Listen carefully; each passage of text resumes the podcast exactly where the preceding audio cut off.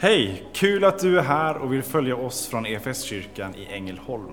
Du kommer nu att få se eller höra en predikan från en av våra gudstjänster. Har du några frågor eller vill veta mer om oss som kyrka så kan du alltid gå in på www.efskyrkan.info.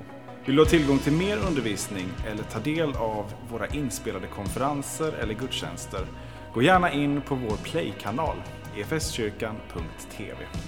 Nu ska vi lyssna på denna veckas predikan. Vi har ett eh, tema idag med en eh, rubrik som är eh, ganska så mustig. Den högstes profet. Och vem är det då vi åsyftar? Och det är Johannes döparen, vars födelsedag vi firar idag. Och det är också den bibeltexten vi ska få lyssna till strax, där vi får höra om omständigheterna kring hans födelse. Johannes döpare är, för mig har det varit en sån här karaktär som är, man läser om honom, man förundras, och så lämnar man honom där och så läser man vidare om Jesus som ju är den han pekar på naturligt. Eh, jämfört med andra karaktärer som Petrus eh, kan jag ha lätt många gånger identifiera mig med eh, i sin impulsivitet och i sin oförmåga att, att eh, hålla de stora ord han, eh, han lovar Jesus och sådär. Känns lite mer eh, vardagsnära. Johannes döparen bor i öknen klädd i kamelhår, äter gräshoppor och vildhonung. Det, är liksom, det ligger inte så nära mig. Eh, jag vet, men så tänker man så är, är Johannes döparen, är han så kulturellt relevant? Idag är han inte lite svår. Jag tror att han är mer kulturellt relevant än på länge. Med alla de här eh, grottmänniskodieterna och Eh, eh, gräshopper blir väl födan framöver eh, om utvecklingen fortsätter med skördar och klimat och sådär. Så att, eh, ju mer tiden går kanske eh, ännu mer behöver vi lära oss av Johannes döparen, inte bara i det han sa utan kanske också den här lite mer svårtillgängliga livsstilen. Och vi ska inte uppehålla oss vid det utan vi ska få, få närma oss honom och förstå lite vad, vem han, eh, vem han var och vad, vad, eh, varför han är så viktig. Trots att han bara finns där lite precis i början och sen så, så är det som att han försvinner ut ur berättelsen. Han dör ju eh, ganska så snart in i evangelieberättelserna. Vi firar hans födelse den här helgen. Det är en långt mycket äldre högtid än midsommar. Eh, och eh, som vanligt i Sverige så är vi eh, duktiga på att låta de folkliga festerna skymma det som faktiskt är ursprunget och det som är mycket äldre, godare än så. Vi gör det med julen, där har tomten tagit överhanden. Påsken, där har haren tagit överhanden. Johannes döparens födelsefest som kyrkan har firat sedan Eh, de allra första århundradena. Det är verkligen en av de äldsta festdagarna i kyrkan. Eh, där har vi i Sverige sedan 14, 15, 1600-talet i alla fall koncentrerat oss mer på majstången och flyttat in den i juni.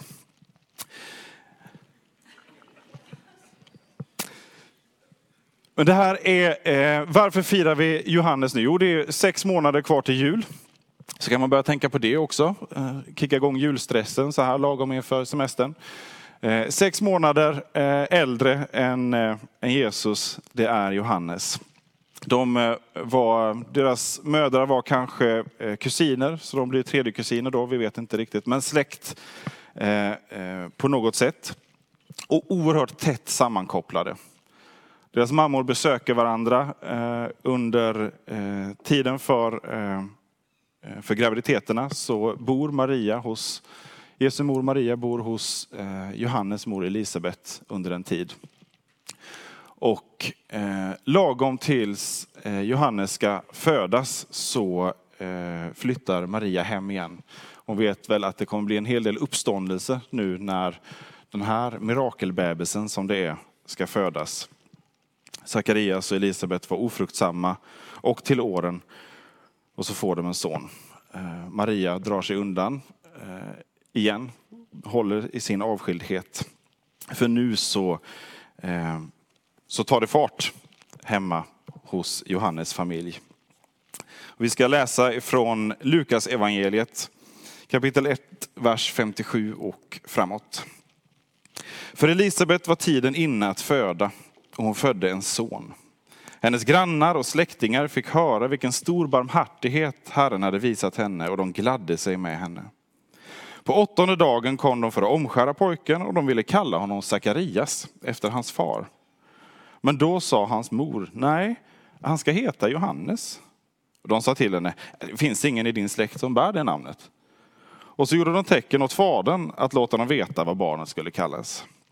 Han bad om en skrivtavla och skrev Johannes är hans namn. Och alla förvånade sig. Med en gång löstes hans läppar och hans tunga och han talade och prisade Gud.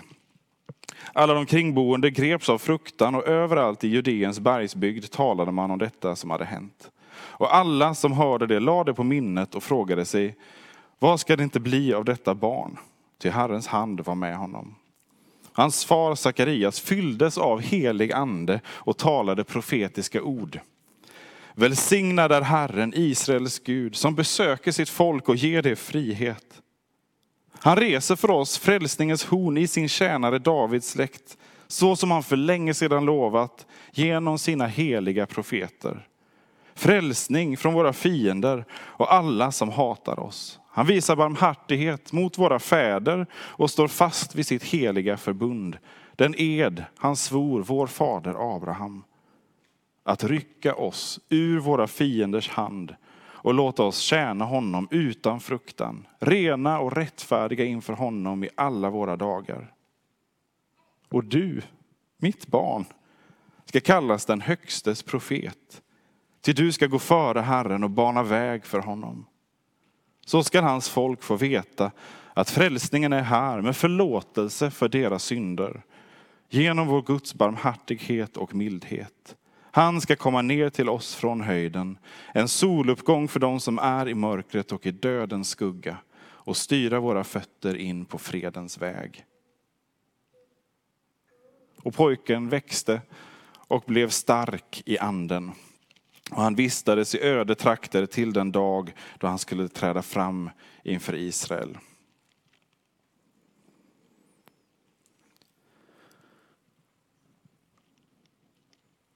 När Johannes föds och i förberedelsearbetet för det. Eh, Sakarias han får ett änglabesök när han tjänstgör eh, once in a lifetime i templet som eh, eh, präst. Så får han uppgiften att tända rökelsen. Det fick man en gång i livet som präst. De var alldeles för många för att man skulle få fler chanser. Där får han löftet om en son, han ifrågasätter det och som en konsekvens av det så blir han stum och kan inte uttala den välsignelse som var uppdraget för rökelseprästen när han kom ut till församlingen. Nu har han varit stum i nästan ett år. Och så föds Johannes. Och det som händer nu det är att frälsningshistorien liksom vävs samman. Allt det som Gud har förberett i skrifterna, i löftena. Han har format åt sig ett folk. Han har besökt det gång på gång. Han har sett deras eh, oförmåga och ovilja att följa hans bud. Han har lidit över hur mycket ondska som finns i världen och så har han utlovat räddning, inte bara för Israel utan för den här världen. Och nu, nu börjar det liksom bubbla. Nu händer det. Nu börjar historiens mittpunkt utkristallisera sig. För nu kommer Elia igen. Det fanns en förväntan att inför Messias ankomst så skulle profeten Elia komma och bereda folket för honom. Elia som inte dog utan som blev upptagen till himlen i en vagn av eld. En mäktig profet i ord och i handling. Och det fanns den här förväntan på att innan Messias kommer så får vi en liten förberedelse på hans ankomst när Elia kommer. Och det är en del som drar den slutsatsen kring Johannes. En del eh, springer ännu längre och tänker att det måste vara han som är Messias. Här vävs det gamla, det som har varit, alla löftena ihop med det nya som Gud gör. Det har varit tyst och öde ganska länge. Några hundra år. Det har funnits mycket förväntan. Folk, människor har uppstått som tycker att de har haft någonting att säga, startat rörelser, men det har liksom dött ut direkt. Det har inte uppstått någon av de här stora profeterna på några hundra år. Men nu så börjar det röra sig igen. Och samtidigt så är det inte bara att det börjar igen, det som har varit, utan detta är också någonting helt nytt som händer. Och Johannes familj befinner sig precis i skärningspunkten mellan det här. Sakarias och Elisabet, ett äldre par som får ta emot löftet om en mirakelson. Nästan parallellt med ett yngre par som också får ett änglabesök och ett löfte om en mirakelson. Några som får gå före precis för att förbereda för den som varit utlovad sen begynnelsen. Och så får Sakarias, han som har tillhört en av de här ödmjuka och stilla i landet, han verkar inte ha gjort så mycket väsen av sig, han och Elisabet. De har tjänat Herren trofast. Det finns några sådana exempel. Annars så drog folk gärna åt ytterligheterna. Man gav upp inför synden, blev medlöpare till romarna, tullindrivare eller gav upp inför eh, syndens oundvikligheter kanske. Eller så i sin iver efter att få ordning på saker så gick man in i, i hård askes eller man kanske gick in i revolutionära rörelser som seloterna som, eh, eh, som gång på gång försökte göra räder mot romarna. Ibland lyckades och sticka ihjäl några stycken. Men så säger Jesus vid ett tillfälle att de ödmjuka ska besitta landet. De stilla. De som tjänar Gud, som ber och som tålmodigt väntar på räddningen. Och så kommer tillfället då Gud använder den som ingen kanske riktigt räknar med. Och så får den här familjen bli använd av Herren Trots sin enkelhet och litenhet och också trots sin otro. Vi läste här hur Sakarias, hans tunga blir löst vid ett alldeles speciellt tillfälle. Jag tror att det kan lära oss någonting om ödmjukhet inför Gud och någonting om lydnad. När Sakarias står i templet och får det här löftet från ängeln så säger ängeln att dina böner har blivit hörda, blivit besvarade. Ni ska få en son. Jag tror inte att det är bönen om en son som ängeln talar om faktiskt. Jag tror att de böner som Sakarias bar fram när han tände rökelsen som en del av den uppgiften är bönerna om Israels räddning. Och så säger ängeln då, bland annat en bit i det, ni ska få en son. Sakarias ifrågasätter det och blir stum. Hans otro, hur försvarbar den än är,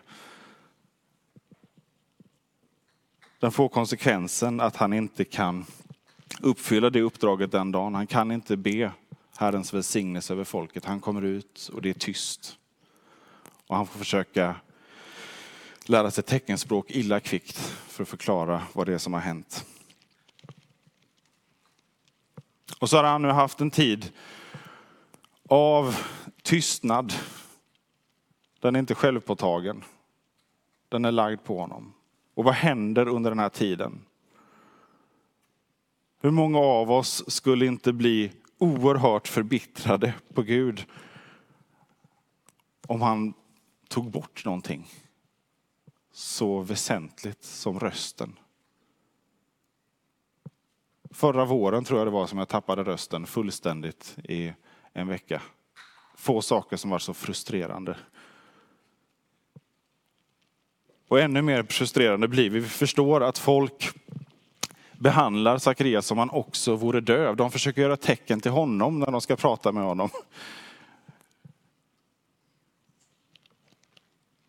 Och så kommer det här tillfället då de ifrågasätter det som han har förmedlat till sin hustru. Att namnet är Johannes, det har ängeln sagt. Sakarias har lärt sig nu att lyssna och att lyda. Han har sett Guds trofasthet i takt med att Elisabets mage växer. Guds nåd har tagit plats i hans egen familj. Gud är nådefull, det är vad Johannes betyder, Johanan. Och så när ifrågasättandet kommer en gång till från släktingarna runt omkring. Ja, men inte, Johannes, vad är det för namn? Helt okänt, obekant. Får vara något etablerat, va? något som vi känner till. Följer vi rutinerna här. Ska ni inte heta Sakarias? Tänk vilken glädje och stolthet Sakarias som äntligen nu får se släktträdet växa vidare, sitt namn kunna få bäras vidare. Men nu vet han bättre än att söka sitt eget. Han vet bättre än att ifrågasätta. Och han svarar inte lite försiktigt. Jo, men vi tycker att han ska heta Johannes. Utan han svarar, hans namn är Johannes. Punkt. Och i den stunden då han bara rent konkret kapitulerar inför Gud. Han agerar i tro och lydnad. Då lossnar talet igen. Och det första som kommer ur hans mun är en lovprisning given av anden. Nästan ett år av fullständig tystnad. Mängder av frågor kan tänka mig i vad som kommer hända nu. Har jag, finns jag fortfarande i Guds nåd? Ser Gud fortfarande till mig eller är det ute med mig och nu så är det nästa generation som vi kan hoppas på? Men kvar finns inte bitterhet, kvar finns inte tvivlet. Istället så får Sakarias utropa den här profetiska lovsången. Hans sista ord innan det tystnade var i otro. Hans första ord nu, efter den här långa tiden av tystnad, är kristallklar trosproklamation. Jag tror att utan att göra systematiska regler av det här, det brukar sällan bli bra när vi försöker göra det av berättelser i Bibeln, men däremot så drar vi lärdomar av dem. Och jag tror att det finns lärdomar att dra här av vad tider av brist, och tystnad och ensamhet kan göra. Också när det inte är självvalt. När det är självvalt är det en sak. Men det läggs på oss. Att det kan få vara tider som Gud vänder till välsignelser. Det är en tid av oerhörd brist, en tid av sorg, en tid av smärta, en tid av att finns jag kvar i din nåd, Gud? Det kan få vara tider som vänder hela skutan. En tid av brist kan istället bli en tid av rikedom. När man inser vad som verkligen är sant. Det är så lätt för oss att vänja oss vid, förvänta oss vid att livet ska vara på ett visst sätt. Det ska innehålla ett visst antal delar, eh, epoker, relationer, karriärsteg för att det ska vara värt att kallas ett liv eller vad, kunna beskrivas som framgångsrikt eller lyckligt, eller vad, vad det är för ord man kan sätta på det. Och när vi inte får det, och när än värre, när vi får ta ett steg baklänges. Vad gör vi då? Räknar vi med att det är Gud som har lämnat oss? Ja, och tänker inte han välsigna mig, då blir det inga välsignelser från mig heller. Eller vågar vi envist stå kvar och fråga Herren vad det är som är på gång? Våga lyssna och ta den tid av brist, den tid av tystnad.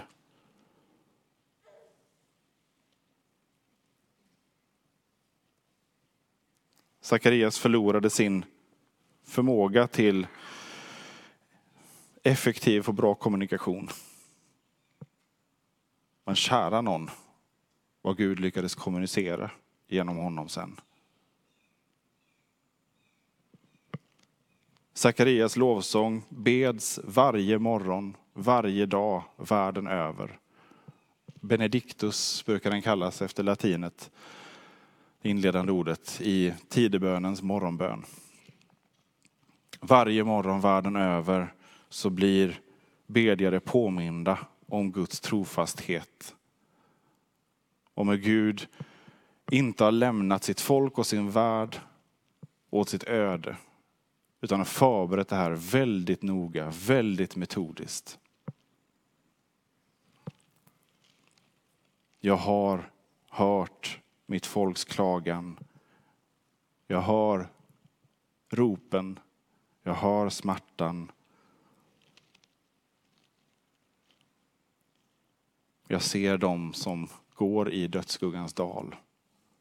Här kommer nu ett ljus uppstå för dem. Och så får Sakarias förmedla vad det är som är på gång. Få glänta på vad det är som händer.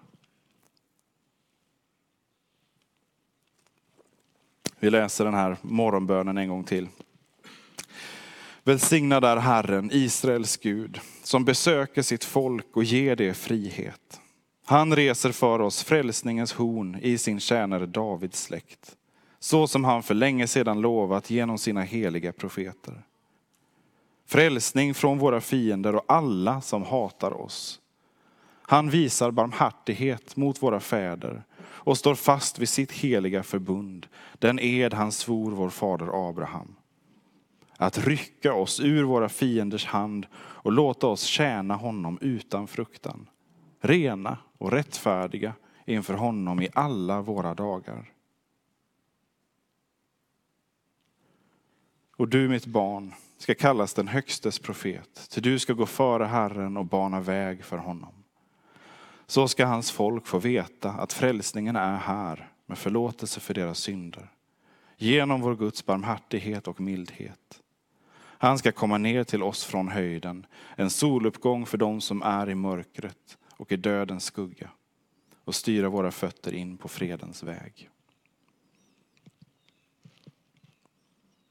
Här talar han solklart om den som ska komma. Det är Jesus i fokus från första stund, trots att de ännu inte vet hans namn och vem det är. Men det är Jesus som är frälsningens horn. Det är Jesus som är den som räddar från fienden. Det är Jesus som förmedlar nåden som har utlovats fäderna. Tänk er att nåden sträcker sig inte bara ut till de som är där då, oss, utan också bak till fäderna. Också de ryms i Jesu nåd. Och Jesus uppfyller förbundet som har givits Abraham. Och Jesus är den som gör det möjligt att tjäna Gud utan rädsla. Därför att Jesus är den som gör oss rena och rättfärdiga.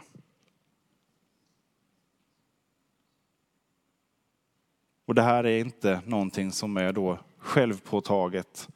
Jesus som en vishetslärare med vanföreställningar som någon kritiker skulle säga. Det här är noga förberett av Herren. För här får Sakarias också tala om sin egen avkomma. Johannes, som ska få vara den högstes profet. Där Johannes får vara den som går före. Han får vara den som förmedlar kunskap om att frälsning och förlåtelse nu snart är här. Och så får Johannes vara en genom vilken Gud gläntar på det ljus som nu kommer bryta in i mörkret och börja leda folk på rätt väg. Så får Sakarias sitt bönesvar om Israels räddning. Och Johannes får bereda marken. Elias ande är verksam hos Johannes. Plöjer och gör det möjligt för människor att sen lyssna till Jesus, ta emot det han har att ge. Johannes han talar kärvt. Han klär av människans stolthet. Han talar framför allt kärvt till de lärda och de mäktiga, men också till varje människa som kommer och lyssnar. Han talar klart om synden. Han talar klart om omvändelsen. Om en Gud som vill ha omvändelse, som vill att människor söker sig till honom.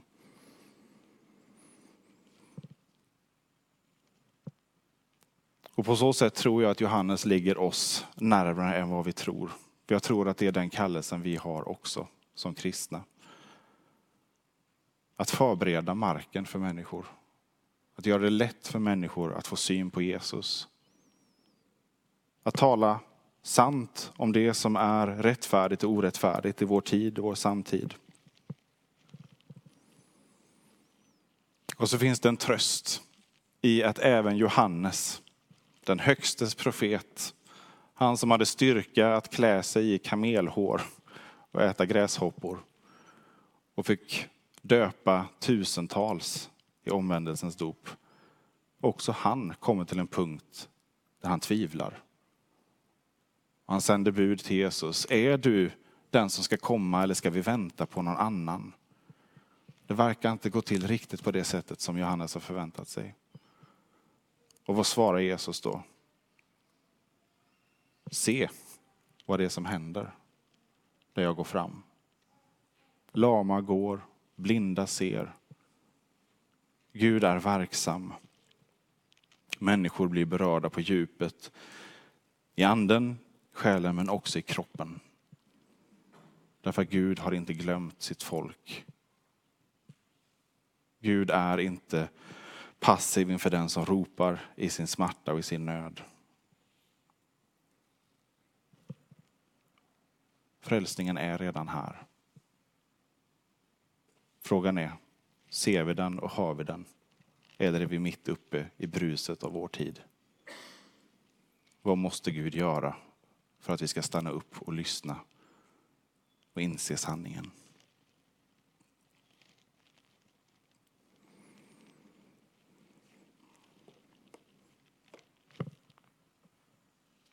En sak vi kan göra här och nu är att be Gud om förlåtelse för vår synd. Be att Gud gör just det. Klär av oss eh, de här falska föreställningarna, lögnerna om, om oss själva. Om vår förträfflighet eller om vår uselhet. Inget av det varken hindrar eller imponerar på Gud. Han ser oss för dem vi är.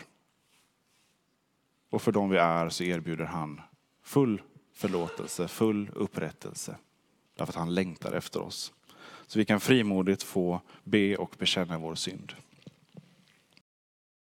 Som kyrka är det en glädje att få spela en liten roll av allt Gud gör i och genom ditt liv. Vi vill gärna fortsätta följa dig på den resan. Och vill du ta reda på vad ditt nästa steg kan vara på din resa med Gud så gå in på efskyrkan.info nästa steg. Vår längtan är att få se människor och samhällen förvandlade av Jesus.